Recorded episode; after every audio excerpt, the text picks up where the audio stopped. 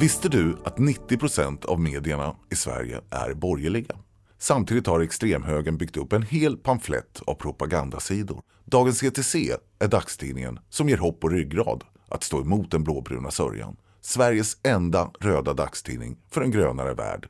Testa att prenumerera idag på etc.se. Hej och välkomna allesammans, alla ni som sitter i publiken och alla ni som tittar på oss via webben, via en platta eller via en telefon. Ehm, vi ska ta oss från historia till nutid och nästa punkt är ETC som kör. Ehm, rubriken är Hur vinner vi kampen om agendan? Och eh, jag eh, lämnar över samtalet till Anna Maria nu ska vi se, glömde jag bort det bara för det. Karnhede. Ja, tack så mycket för presentationen. Eh, idag så ska ju vi prata om de två mest spännande sakerna som finns, nämligen politik och journalistik. Eh, det känns superfint att ha en så fin publik på plats. Och lika fint att ha en så kalasbra panel bredvid mig. Eh, Fyra representanter för fyra icke-borgerliga, om ni står ut med den negationen, tidningar. Ehm, jag tänker inte presentera er, utan jag lägger ordet i Jonas mun. Presentera er själv, snälla. Jaha, oj, eh, oförberett. ja, Jonas Nordgren jag är chefredaktör för Dagens Arena. Vi är en eh, nyhetssajt med ja, vad sa du, icke-borgerlig ska jag inte beskriva, men vi är väl en eh, progressiv radikal nyhetssajt brukar vi beskriva oss. Mm. Mm. Hallå allihopa, jag heter Leonidas Aretakis. Jag är chefredaktör på Flamman som är en oberoende socialistisk nyhetstidning som kommer ut varje vecka, samt även på nätet förstås. Eh, och jag är chefredaktör sedan början av september, så att jag är väl kanske, kanske grönast eh, här i, i gänget. Ja. Ja, jag heter eh, Maria Persson. Jag är chefredaktör för Aktuellt i politiken som är en eh, socialdemokratisk nyhetstidning och eh, även vår sajt aip.nu. Och det har jag varit sedan för förra sommaren, så att inte otroligt länge sedan det heller. Mm. Hörs det bättre så? Ska jag upprepa? Ja. Maria Persson heter jag. Jag är chefredaktör för eh, den socialdemokratiska nyhetstidningen Aktuellt i politiken och eh, även för vår sajt aip.nu. Och jag har varit eh, chefredaktör och ansvarig utgivare i mm, ja, ett par år kan man säga. Ja, jag, jag, heter Andreas Gustafsson och gör med mina kollegor Dagens ETC, en dagstidning som har kommit ut sedan 2014 och om man ska, ska säga, positionera oss så kallar vi oss röda, gröna och oberoende. Lojala bara mot läsarna. Det är så vi brukar förklara oss. Tack så mycket. Kort applåd tycker jag. Um, ni då, undrar ju vi som står här. Vilka är ni som kikar på oss idag? Jag tänkte så här, bara för att lära känna er jättesnabbt. Hur många av er prenumererar eller betalar för att läsa någon av de här tidningarna just nu? Upp med en hand. Ja, vad fint, vi är bland vänner. Hur många prenumererar på mer än en? Ja, titta där. Bra att veta. Eh, tack så mycket. Eh, vi slungar oss eh, snabbt in i ämnet tycker jag. Vi har inte så mycket tid här på scenen. Ehm, hur mår den icke-borgerliga, eller den ja, vänsterpressen skulle ni säga idag? Vi kan börja med Maria, tycker jag. Ja, nej, jag tycker nog inte egentligen att man ska kalla den en icke-borgerliga. Alltså man ska inte kalla den för negation, för det tycker jag tar bort lite kraften och makten från den. Så jag tycker vi ska kalla oss för det vi är. Vi har ju alla lite olika beskrivningar av oss själva. Eh, sen ett tag tillbaka så har den kanske inte mått jättebra. Jag tycker utifrån det jag ser att det känns som att den kanske mår bättre än på ett bra tag. Ehm, det händer saker, många av tidningarna har gått framåt, inte minst ETC. Eh, det är jätteroligt att se och eh, jag tänker att det beror på, på ett sätt, att det har blivit mer polariserat i samhället, vilket i sig är synd. Men eh, samtidigt så skapar det en möjlighet att kanske också vara tydligare i sitt eh, uttryckssätt för vänsterpressen och mm. behovet blir större. Så att eh, bättre än på ett bra tag, skulle mm. jag säga. Bättre på än på ett bra tag. Vad säger Jonas där borta? Eh, ja, men journalistiken mår väl rätt bra. Eh, vi har ett rätt stort utbud av bra journalistik i Sverige. Eh, jag delar en uppfattning om att man kanske inte ska positionera sig som icke-borgerlig utan journalistiken ska nog jämföras över en kam.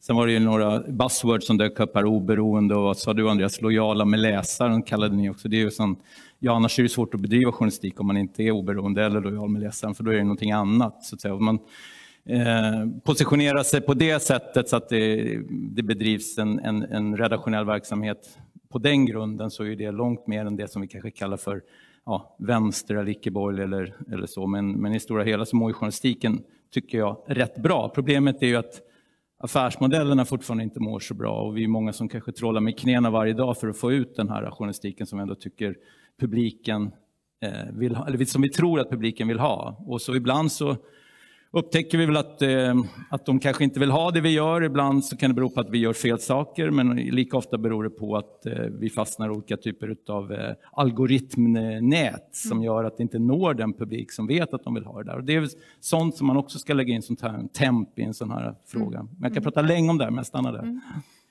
Eh, tack. Eh, jag lägger över eh, frågan till Leonidas.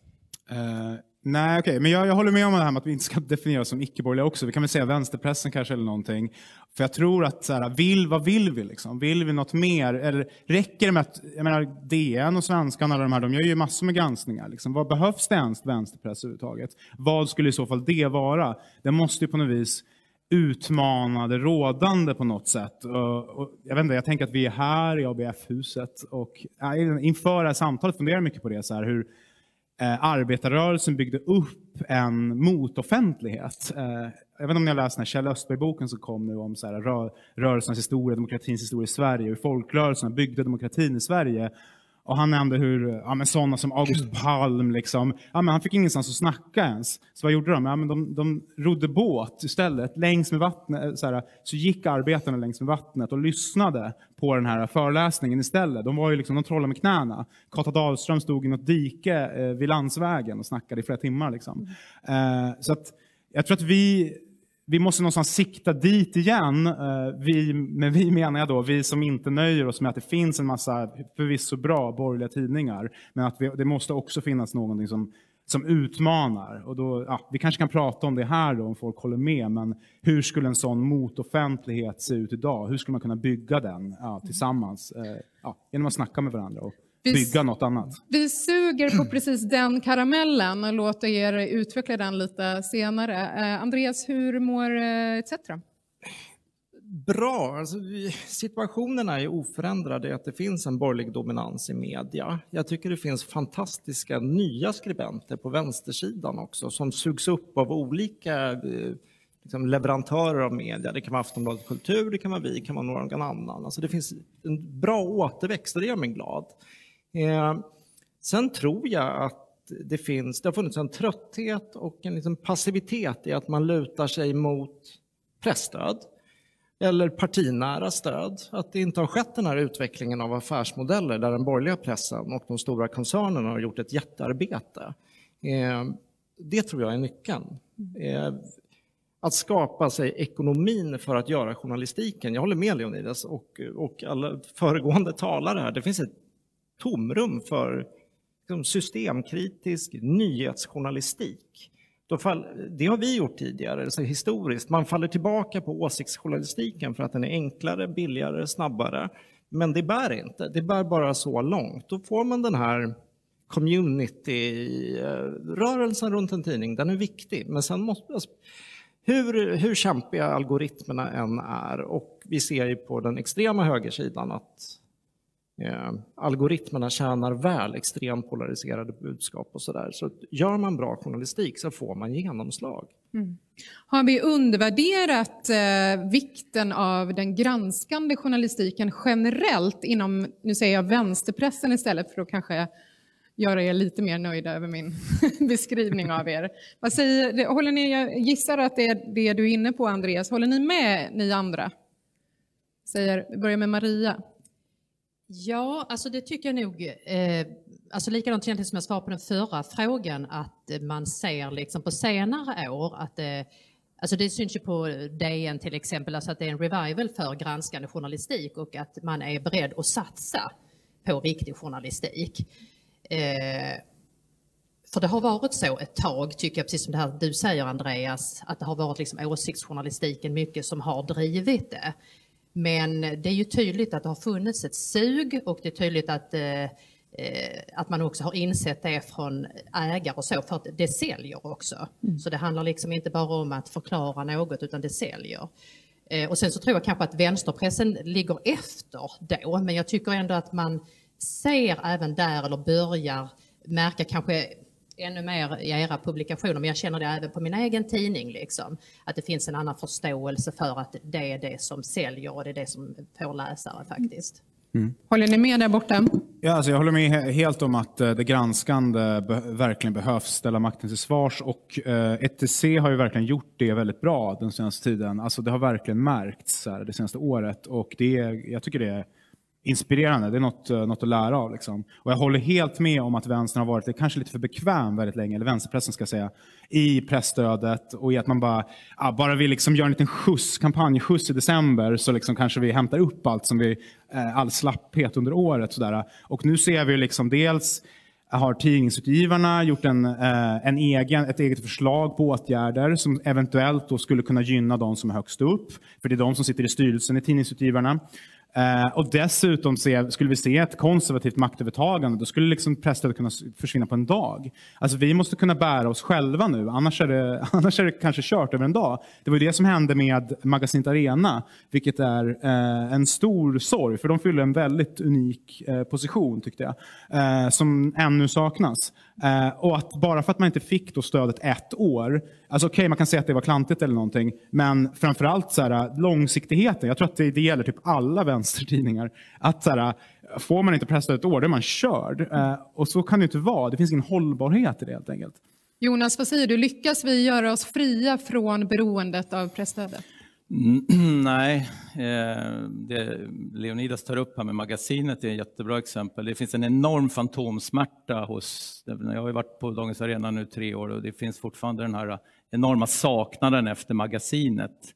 Eh, och också en liten villrådighet över hur ska man kunna på något sätt skapa någonting ändå med de resurser man har. Och det, det är, där, det är lite det jag brottas med varje dag, och försöka liksom få ihop det i en digital miljö när alla egentligen vill ha det där magasinet. Eh, och jag håller med Andreas att visst, är det så att gör man en bra grej så får det genomslag. Men magasinets funktion, den här bundlade varianten, att du bläddrar igenom något du inte visste du ville läsa, som magasinet faktiskt kan erbjuda. Eh, den kan du inte riktigt skapa med en digital produkt som Dagens Arena, så som den är utformad idag.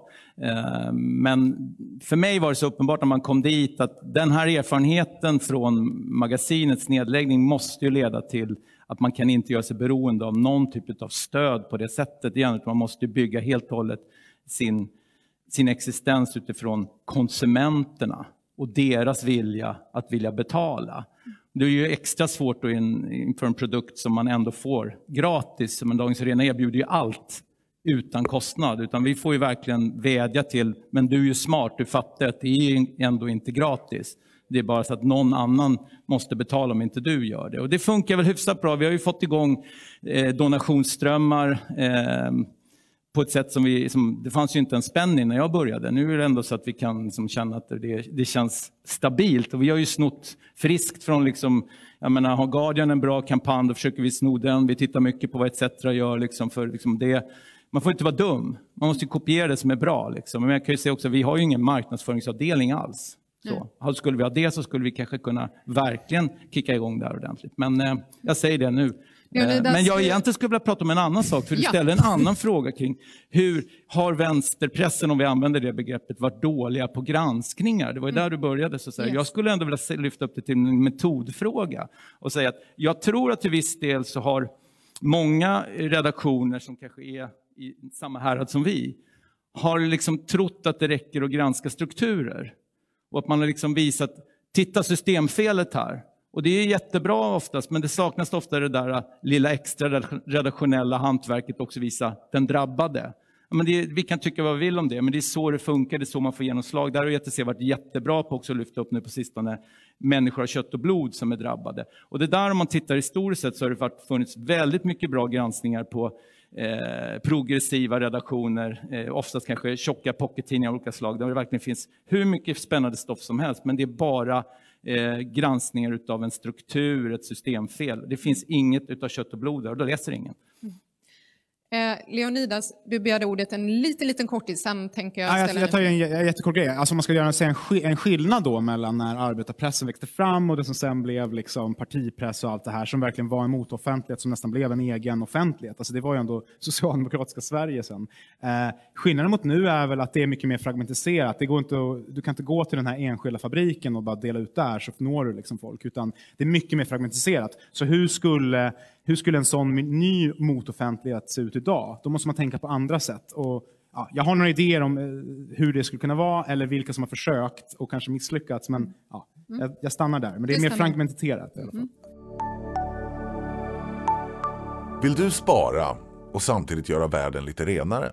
Då har ETC tagit fram en lösning för dig. Vi har startat ETC Bygg för att få igång byggande av hyreshus utan vinstjakt, utan miljöförstöring och med lägre hyror. Spara direkt i husen till 2% ränta. Läs mer på etcbygg.se. Maria, vill du säga något kort också? Jag skulle egentligen bara säga apropå det som Jonas sa, det här med eh, granskningar och strukturer, ja, men just det här med att lyfta fram berättelsen, för det kan jag känna också, om vi nu pratar om hur vi ska vinna kampen om agendan och vänsterpressens roll i valrörelsen. Jag känner som kommer från fackförbundspress eh, tillbaka och jobbat på flera fackförbundstidningar. Just det där att lyfta fram den där berättelsen som väldigt sällan lyfts fram mer idag än vad det gjorde förut, även då i liksom det vi kallar borgerliga tidningar. Men där kan jag känna att åtminstone för min tidning att det liksom är en eh, viktig uppgift mm. att göra det visa hur den lilla människan påverkas av de stora besluten helt enkelt. Klassisk kvällstidningsjournalistik. Eh, ja, igen, alltså beskriva olika skeenden men från så att säga, olika positioner i samhället och framförallt också olika delar av landet.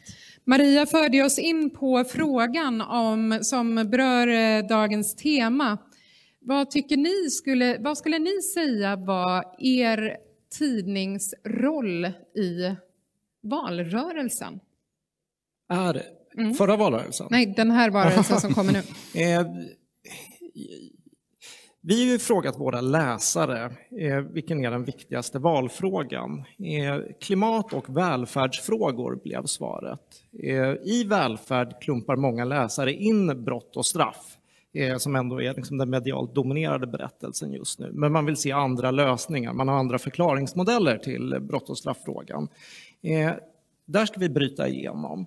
Eh, vi, vi, ser en förändring på arbetsmarknaden med liksom ett extremt utnyttjande. Där har vi haft flera liksom, tunga, tunga gräv. Eh, jämställdhet, alltså jag såg bara att eh, Sverigedemokraternas rättspolitiska talesperson twittrade ut en stor bild på eh, Jimmy Åkesson och så stod det ja, nu har vi prövat en kvinnlig statsminister, eh, nu är det dags för Jimmy. Eh, alltså, jämställdheten i Sverige liksom under ett akut hot med, med den blåbruna lösningen som det eventuellt kan bli. Eh, där tror jag att vi måste göra jättemycket för att lyfta liksom, nyhetsjournalistiskt vilka, vilka hoten är framåt. Jag, jag, så, så, bara för att återknyta där, vi, vi pratade lite om eh, att, att nå ut. Alltså vi når våra prenumeranter, det är 14 000. Eh, vi vill nå betydligt fler än så. Hur gör man då? Vi lägger 10% av vår budget till marknadsföring. Rakt av. Eh, utan det skulle inte vi ha 14 000 prenumeranter. Vi skulle inte alls ha vuxit som vi har gjort nu. Målet är att nå hundratusentals med så pass agendasättande journalistik att det plockas upp av andra. Det här var lite journalistlingo här du plockade upp. Agendasättande journalistik. Kan du bara kort eh, definiera det utifrån din egen, din eget sätt att se på det? Journalistik med en idé. Journalistik som har en tes man vill pröva och sen gör man det hantverksmässigt eh, enligt konstens alla regler på ett så professionellt sätt så att ingen kan ignorera det. Som inte kan liksom säga vänstertidning, det här känns inte seriöst, utan det här måste andra förhålla sig till. Leonidas, du jobbar på Flamman. Eh, hur ser du på din roll, eller tidningens roll i valrörelsen? Um, ja, men det är intressant, för nu håller ju någonting på att hända med uh, Vänsterpartiet där Nooshi har hjälm på varenda bild och uh, de, uh, försöker profilera sig ganska mycket. Nästa samtal kommer Pelle Dragsted hit och han pratar ju lite grann utifrån hur den vänstern där enhetslistan har arbetat nu och tänkt kring vad, ja, men vad är socialismen idag? Eller vad är vänstern idag? Liksom? Och det är ganska mycket att knyta an till den gamla liksom, socialdemokratiska 60-70-tals välfärdsrörelsen. eh. eh sådär. Och det kan ju leda till också att de här, de här vänsterpartierna, för det är ju det Suonen säger också i, inom socialdemokratin, där han har liksom återupplivat det socialdemokratiska samtalet väldigt mycket. Som, de grejerna följer vi, liksom, kommer vi följa helt enkelt. Det som händer i Reformisterna, som händer i Vänsterpartiet, på vänstersidan helt enkelt. Och kanske så här, hur, hur går det att kombinera? Alltså, har ni bara bytt historia nu? Har ni fått den socialdemokratiska historien? Är det där ni hämtar inspiration? Liksom? Och kommer ni också att fortsätta vara systemutmanande då? Går det att göra båda de grejerna? Att säga att man är de nya socialdemokraterna och att vara systemutmanande? Alltså, det är en sån fråga som kanske passar oss extra mycket. Sen är det klart att vi ska också skriva om klimatfrågan och så vidare. Alltså olika frå bra frågor, bra vänsterfrågor, absolut. Mm. Men också så här, vad ska vår röst vara? Där, där tänker jag att liksom, se till så det finns ett systemutmanande alternativ i pressen. Mm. Tack. Eh, Jonas, vad säger du? Vad är er roll i... Inför valrörelsen? Ja, jag, vet, jag tänkte fortsätta med Andreas drog lite siffror så jag fortsätter på den spåret istället så, så ska jag svara på frågan i slutändan. Och där. Men när jag började för tre år sedan då var det lite oklart vad Dagens Arenas produkt egentligen var. Vad var huvudprodukten? Var det sajten, var det Facebookgruppen, var det Twitterflödet, var det nyhetsbrevet? Det var lite oklart för det fanns också en Youtube-kanal, ett Instagramflöde. Vi är 100% digitala men måste ändå bestämma vad är huvudkanalen. Så, och då bestämde jag mig för att vi vill göra nyhetsbrevet till huvudkanalen, för det är ändå det som är mest likt magasinet. Du får ett paket av sånt som du inte kanske riktigt hade klickat på. Eh, och då hade vi 11 000 prenumeranter på nyhetsbrevet. Som är gratis för övrigt. Det kan ni gå in och teckna på dagensarena.se om ni inte har det redan. Det kostar ingenting.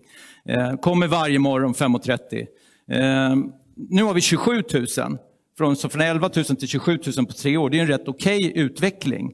Men jag tänker ändå för att vi ska verkligen ta plats inför valrörelsen så måste vi kanske upp i Ja, det där måste upp i kanske 50-60 000 för att det verkligen ska... Ja, och då blir det intressant, vilka marknadsföringsmetoder måste man använda sig av för att nå den bulken? Jag tycker vi, vi har trollat verkligen med extremt många metoder här. Jag kan berätta sen i, efteråt hur, hur vi har gjort för tips, så, att säga. En, eh, så, så finns det inte på, på kamera.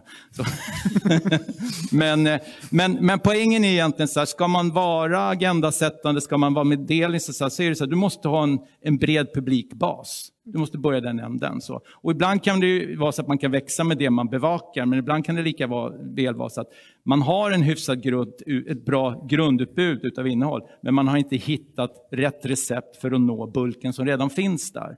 Och i digitala världen så det ligger många publikgrupper färdiga att verkligen på något sätt hova in. För det är många som vill ta del av det vi gör, men alla vet inte ens att vi finns fortfarande. Mm.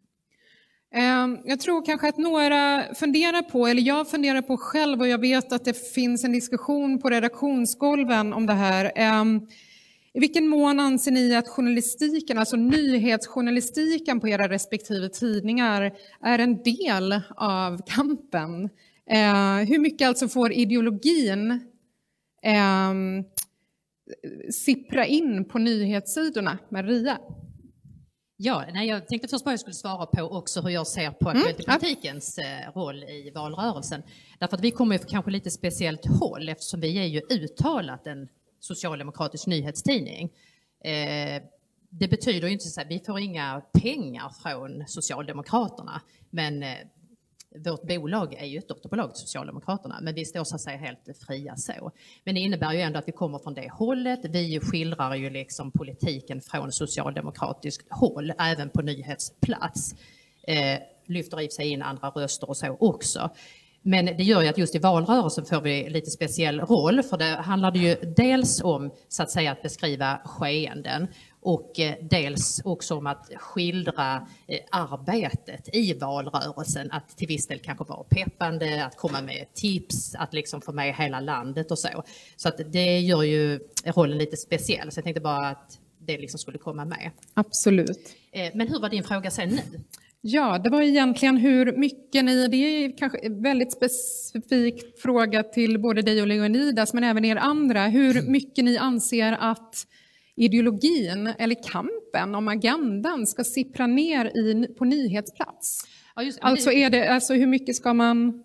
För ofta så skiljer man ju på ideologisk journalistik eller tesdriven journalistik och den, den, nyhets, den traditionella nyhetsjournalistiken. Vad anser ni om det? Ja, nej, men alltså det där är en jättebra fråga och jätteviktig. Jag känner den är väldigt viktig för mig också. Jag är ju chefredaktör. Jag är inte politisk redaktör. Det har vi ju en annan person som är, Daniel Färm. Eh, jag kommer från rent journalistiskt håll. Eh, sen så skulle jag ju aldrig vara på den här tidningen så att säga om jag inte sympatiserade. Men det är liksom journalistiken som driver mig, det är det som är det viktiga. Eh, det är klart, eftersom vi är en socialdemokratisk nyhetstidning så är det ju så att även på nyhetsplats så kommer vi från det hållet. Men jag menar, vi uppbär presstöd så att vi har liksom en plikt att eh, vara liksom allmängiltiga, att plocka in flera röster från andra sidor och så. Eh, så jag tycker det är ganska viktigt att skilja på det. Vi har ju mycket opinionsmaterial, vi har ju debatt, vi har ledare, vi har analyser, ideologi, eh, så. krönikor som till viss del också går in under opinion. Men för mig är det jätteviktigt att ändå skilja på det, men ändå vara väldigt transparent kring att vi ändå kommer från socialdemokratiskt håll. Men det är liksom en skillnad på nyheter. Mm. Andreas? Eh, men vi, vi, jag skulle säga att Dagens ETC är en ideologisk produkt, punkt slut. Eh, sen, gör, sen görs det skillnad mellan opinionsmaterial och nyheter, men hela tidningen är ju vår värdegrund. Eh, Sen betyder inte det att vi inte granskar röda eller gröna partier. Det gör vi löpande och liksom hårt och rättvist, hoppas jag. Eh, skulle vi få information som skulle leda till att en, jag säger, en röd eller grön statsministerkandidat skulle liksom falla veckan före valet skulle vi såklart publicera det. Eh, men man måste välja sina strider. Vad gör den borgerliga pressen, vad gör inte den borgerliga pressen? Vi hittar luckor och sen, sen granskar vi där med nyhetsjournalistik. Och, eh, jag tror att målet måste vara att vi har en kärna. Det är de som finansierar våra satsningar framåt genom insamlingar. Men en tidning som ska kunna nå alla. Det, det är en riktigt bra dag ska vem som helst kunna öppna tidningen och bli utmanad av journalistiken oavsett vilken liksom politisk grundåder man själv har. För Andreas, du, jag vet ju att eh, det, det fnys en del på redaktionen på Dagens ETC när man kanske blir kallad för vänstertidning till mm. exempel. Mm. Ja, Utveckla. Jag, jag, tror att det upplevs som förminskande, för man upplever själv att man gör vanlig nyhetsjournalistik. Men man söker sig till tidning, som du sa, man söker sig till en tidning för att man delar grundvärderingar. Sen upplever man inte den politiska stämpeln, men jag, jag, är ju själv, jag chefar ju själv både över ledarsidan och över nyhetssidorna. För mig är inte det ett problem, för det är ju inte ett problem för Peter Wolodarski heller egentligen att skriva åsiktsmaterial och eh, vara chefredaktör. Eh, vi ska inte vara så rädda för det där, att den objektiva journalistiken, det är väldigt lite journalistik idag som är Alltså det är ju liksom TT-artiklar, det, det, bygger ingen affär framåt. Det bygger ingen relevant berättelse om världen heller tycker jag. Men jag måste bara, bara säga det att Flamman blev relevant för mig nu när det har skett ett chefsskifte. Eh, för mig blir det plötsligt spännande att se vad någon kan göra som inte tänker sig en karriär inom partiet framåt. Mm. Vi pratade lite om det tidigare och då blir analyserna det blir mer spännande. Mm. Eh, vad, vad, säger Leonidas nu om det Nooshi gör och hennes, eh, liksom, hennes bygg, bygghattar eh, och hennes eh, linje i klimatfrågan och sådär, än om jag tänker att Ja, att du jobbar med Nooshi. nu Leonidas får, kommer du aldrig kunna ta ett jobb inom partiet. Du vet. För du är jättesen reportage. Ja. precis. Annars är det bara att granska någon som man vill ha den, dens roll i partiet. Så, så sänka den så, så blir det ledigt. Ja. Har du pengar på banken? ETC Sol investerar dina pengar i solceller, det vill säga framtiden. 2500 personer har sparat pengar och får nu 2% ränta. Vill du vara med?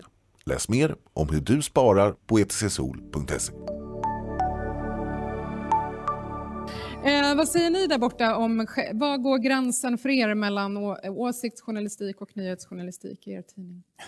Uh, ja, men vi har väl också en delad sån roll. Jag skriver opinionsmaterial och jag är chefredaktör. Jag kan tycka i och för sig, ja, precis det gör även Wolodarski, det gör även du. Så här. Jag kan tycka att idealet egentligen är att man separerar det. Men vi har, alltså, det är svårare om man är liten också.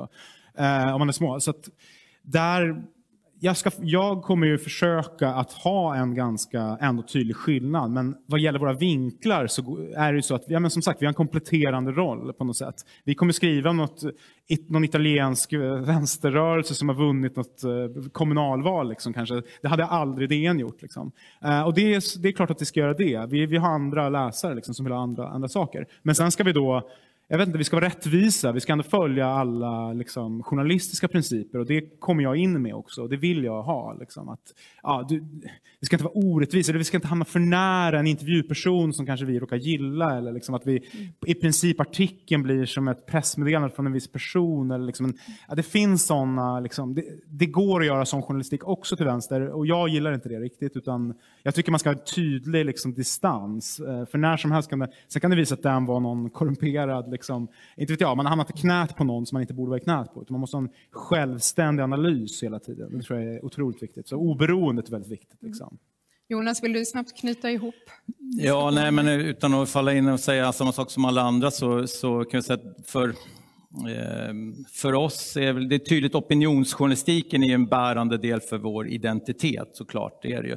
Men jag skulle säga det här du tog upp det här med kampen, hur viktig vår roll var i, i den, i den mån det finns någon sån kamp. Så ska jag säga, jag tror att min bild av vår publik är att egentligen så tror jag att nästan hälften av dem inte eh, uppfattar sig del av någon kamp, i alla fall inte någon progressiv radikal vänsterkamp, utan de är lika mycket intresserade av att läsa vad vi publicerar för att de vill gå i polemik med det, eller de tycker tvärtom och att vi blir någon sorts eh, övningsbana där man får testa sin argumentation. Liksom. Så, att jag kan notera att vi, vi är nog lika populära i, i, en, i, en, annan del av samhällssektorn än de man kanske förväntar sig. Och jag noterar också när jag ser vilka som donerar pengar till oss att man kan ibland studsat till lite. Man ser väldigt uttalade högerdebattörer där för att de tycker det är liksom antagligen viktigt att vi finns och liksom, utan att nämna några namn. Men, men, men för att leda det vidare, en sak som jag tycker är viktig, jag deltar inte heller särskilt ofta i i men, vår ledarredaktionsmöten deltar jag väldigt sällan på, för jag känner min, min identitet är i första hand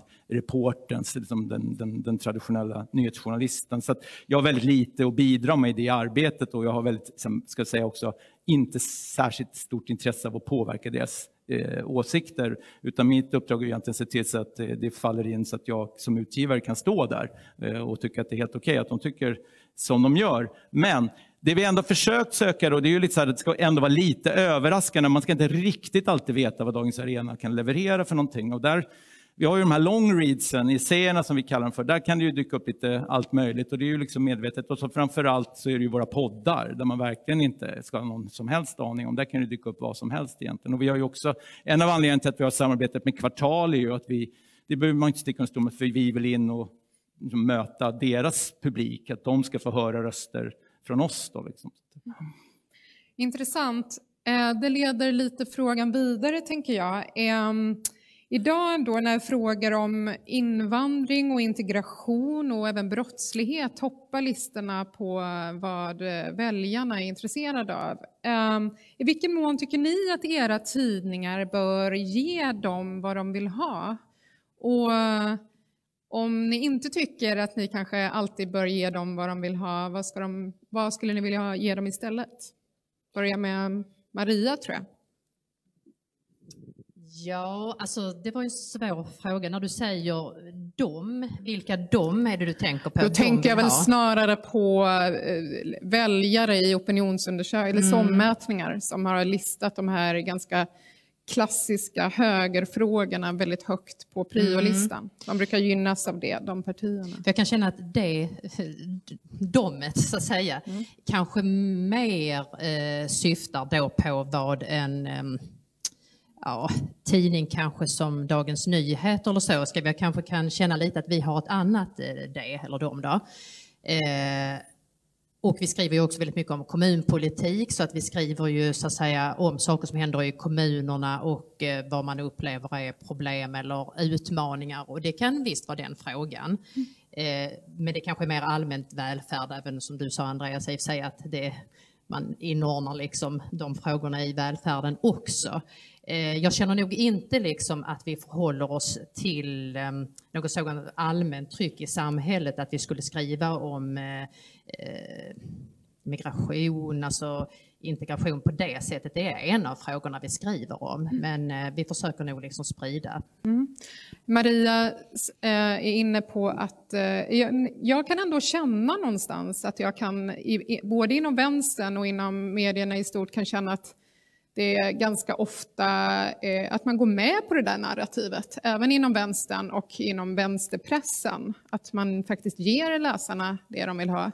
Vad säger du Andreas om det? Jag tycker delvis att du har rätt. Jag tror också att vänsterpressen har varit ganska tyst i den här frågan för att man bara har kunnat uttolka den utifrån liksom, det borgerliga perspektivet. Alltså brott och straff kopplat till migration och liknande istället för att försöka ta tolkningsföreträdet här. Eh, och hur skulle man göra det då? På vilket sätt? Jag, jag, tycker att det här är en av de absolut största frågorna just nu. Det, det är ju klassamhället. Det är ju, det är ju hela samhällskontraktet håller på att krackelera och det, det, ser ju uppenbart många väljare och det handlar inte bara om högerväljare som ser det, tvärtom kanske. De som mest drabbas är de som bor i de utsatta områdena och de röstar ju inte höger. Eh, jag tror man måste berätta, man måste hitta journalister som har kompetens att berätta från de här miljöerna. Man måste, alltså rent konkret, man måste ta sig råd att ta in tolk för, för, att, för att berätta vissa, vissa saker. Vi gjorde en intervju med mamman till 17-åringen som eh, är nu dömd för, för att ha skjutit polisen i Göteborg. Eh, kan ju överklagas, men dömd för det ändå. Det är ett jobb som inte vi hade gjort för två år sedan. Det hade tagit för lång tid, det hade varit för dyrt och för liksom krävande för, för oss som organisation. Nu har vi möjlighet att göra det. Det tyckte jag var en viktig berättelse. Där hon beskriver familjens resa genom ett system som hon egentligen är frånkopplad från. Mm. Som hon aldrig har sett möjligheterna i. Eh, det var bra journalistik tycker jag för att visa ett Sverige som är tudelat. Tack. Eh, någon som vill hoppa på den bollen? Eh, ja, absolut. Jag, tycker också, jag, alltså jag håller med om den här ståndpunkten. Jag tycker att till exempel det här med språkfrågan, inte vet jag. Okej, okay, vi ska kanske inte ha språkkrav, så här, men okej, okay, det finns väldigt många människor som inte kan svenska till exempel. Som, det är ju en klassfråga också. Alltså man har inte en möjlighet att delta i samhället på samma sätt och så vidare. Och det är en viss klass som invand av invandrare som liksom har svårare uh, att kom, uh, liksom komma in i det svenska språket, och beroende på vad man har för bakgrund eller utbildningsnivå innan man kommer. och så vidare. Det är en tydlig klassfråga, men samtidigt, eh, så det, det kanske vänstern har varit lite känslig för. Det gäller ju framförallt en partipolitisk fråga kanske också, att leverera bra förslag. Men samtidigt då, jag vet inte, man kan tänka på jag, jag inspireras lite grann av vad typ, hur Peter Thiel tänker kring sitt företagande. Det är alltså en väldigt ond högerperson som har såddfinansierat i Facebook, Airbnb och en massa sådana företag. Han ser direkt vad som blir stort. Och det, han har en princip som är att inte liksom följa på alla andra. Inte göra det alla andra gör. Så att om nu till exempel, inte vet jag, ja, alla skriver om invandring, det är klart att vi måste haka på det och ha ett bättre svar. Okay. Vi, det finns så mycket man skulle kunna göra nu. Det finns säkert en miljon saker som vi skulle kunna göra som är helt egna, som ingen har sett. Alltså det, var det, som, det, är det, han, det är så han tänker, att man ska skapa monopol. Alltså man är, man är den enda som gör något. Den och då har man ett monopol. Mm. Ja, så att man, ja, nej, man, och, och hans grej är så här, dels konkurrens för förlorare. Eh, och dels, man ska vara sist eh, eh, med någonting. Mm. För att man ska, liksom, först, man ska vara först också, men man ska också vara sist. Man ska vara så bra på det så att det är ingen annan som ens kan göra det. Mm. Uh, och då har vi till exempel, ja precis, journalistik från uh, liksom orten. Uh, väldigt kvalificerad. varför når man inte dem med fler läsare till exempel? Det är ett av tusen grejer. Jag tänker på Greta. Hon har nog inte läst Peter Thiels liksom, filosofi, men hon börjar med ett papper och penna och har skapat en global massrörelse av ungdomar. Liksom. Alltså, vi kan göra precis vad vi vill, men vad är de där grejerna som vi kan göra? Hur kan vi nå nya målgrupper?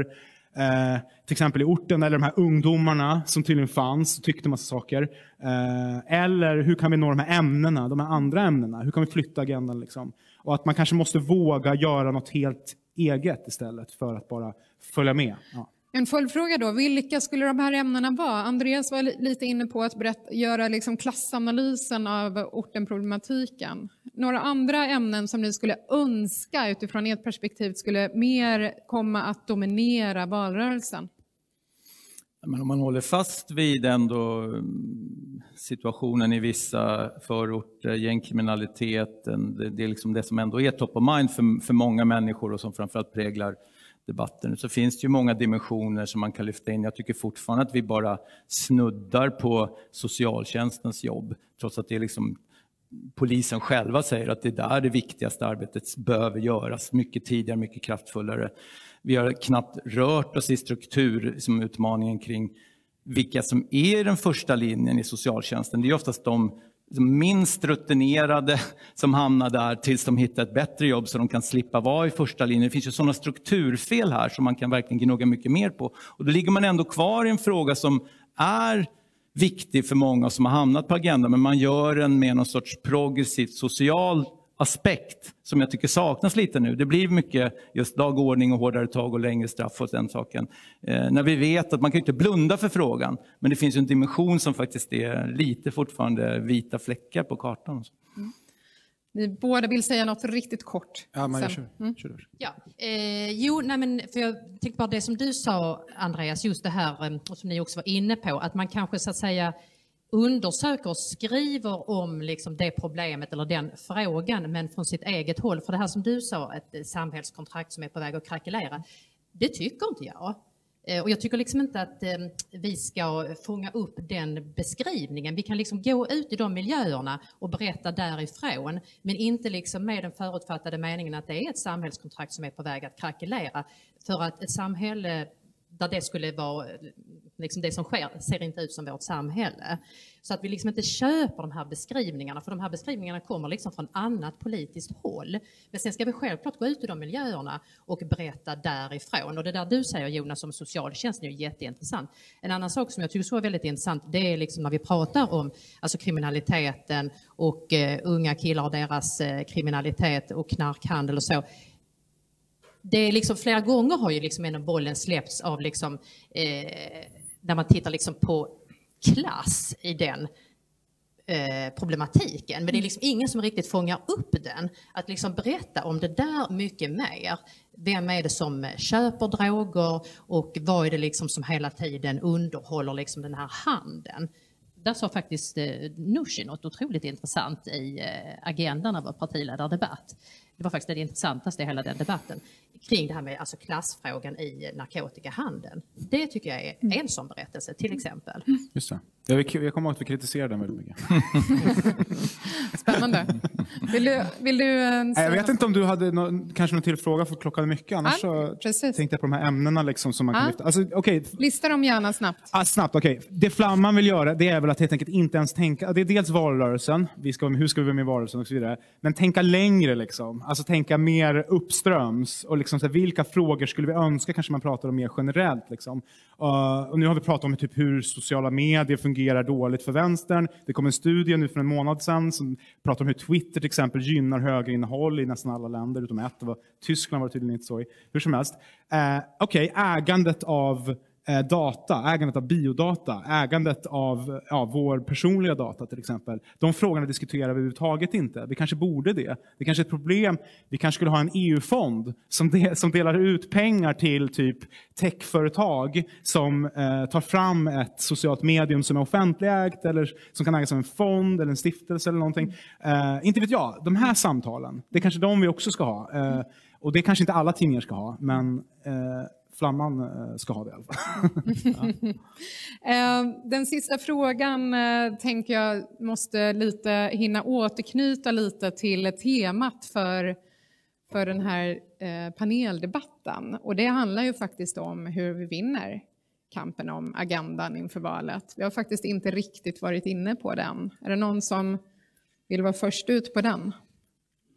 Mm, Andreas?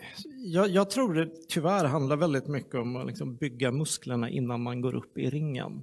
Vad eh, menar du med det? Jag menar att jag hade varit så bakbunden om det inte vore för att vi hade fått mer resurser som vi kan avsätta i tid för reportrar att göra ett riktigt jäkla bra jobb som kommer att spridas vidare i eh, de borgerliga tidningarna också och påverka fler. Och att använda alla de liksom, plattformar som finns runt oss. Det är klart vi ska problematisera liksom, Facebook och andra. Men är, vi har fantastiska verktyg eh, att använda för masspridning med relativt små medel om man har rätt vinklar, rätt innehåll och man kommer exakt rätt i tiden. Det finns ju enorma möjligheter. Med journalistik alltså? Med journalistik. Med journalistik. Någon annan? Yes, Maria. Ja, så jag skulle säga att det enkla svaret är med fakta eller med journalistik. Då, då. Alltså jag är inte så intresserad av, i, som privatperson kan jag säga att jag är intresserad kanske av det politiska spelet, men alltså som journalist är jag egentligen inte så intresserad av det politiska eh, spelet på det sättet att eh, beskriva det, utan snarare sakfrågor.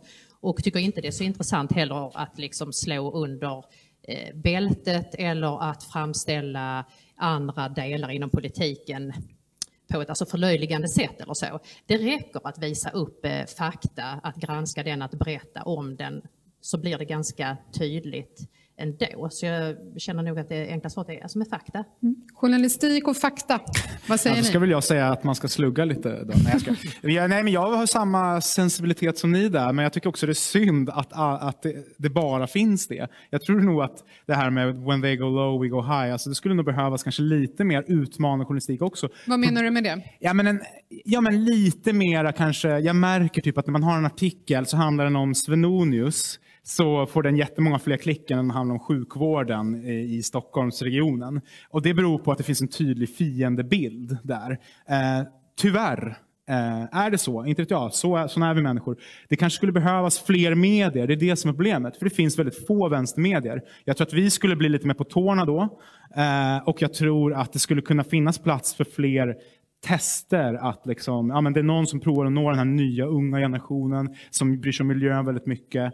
Uh, att det finns någon som är lite mera, vad ska vi säga, men lite råare ändå. Jag tror att det skulle finnas en plats för det också. Jag tror inte att vi kommer vara det riktigt, men uh, jag tror att det behövs Så fler. fakta, journalistik, fler konkurrerande vänstermedier. Jonas, sista ordet. Jag tänker egentligen när han vinner kampen om agendan som huvudfrågan är här, så då är det underförstått så folk röstar rätt i, i, i kommande val. Och jag kan känna för mig är det ointressant. Jag är nog mera, jag är ju en folkrörelsemänniska i grunden så är det för mig mitt uppdrag är nog mer att få folk så här, lite mer engagerade, gå med i en förening, gå på möten och engagera sig liksom, på riktigt. För det är ändå det som är grunden för den här demokratin vi lever i. Det är inte bara på valdagen man gör skillnad, utan det är liksom när man går på det här liksom, samfällighetsmötet på kvällen liksom, och, och liksom, försöker bedriva någon sorts demokratisk verksamhet i det lilla. Det är lite det som är målet. med Dit skulle jag vilja ta det till. Om vi lyckas få några fler gå på några fler årsmöten, gå med i fler föreningar, engagera sig i demokratin, då kommer resten fixa sig.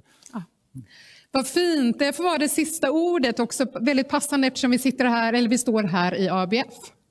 Eh, tack så jättemycket, panelisterna. Tack alla som eh, lyssnade.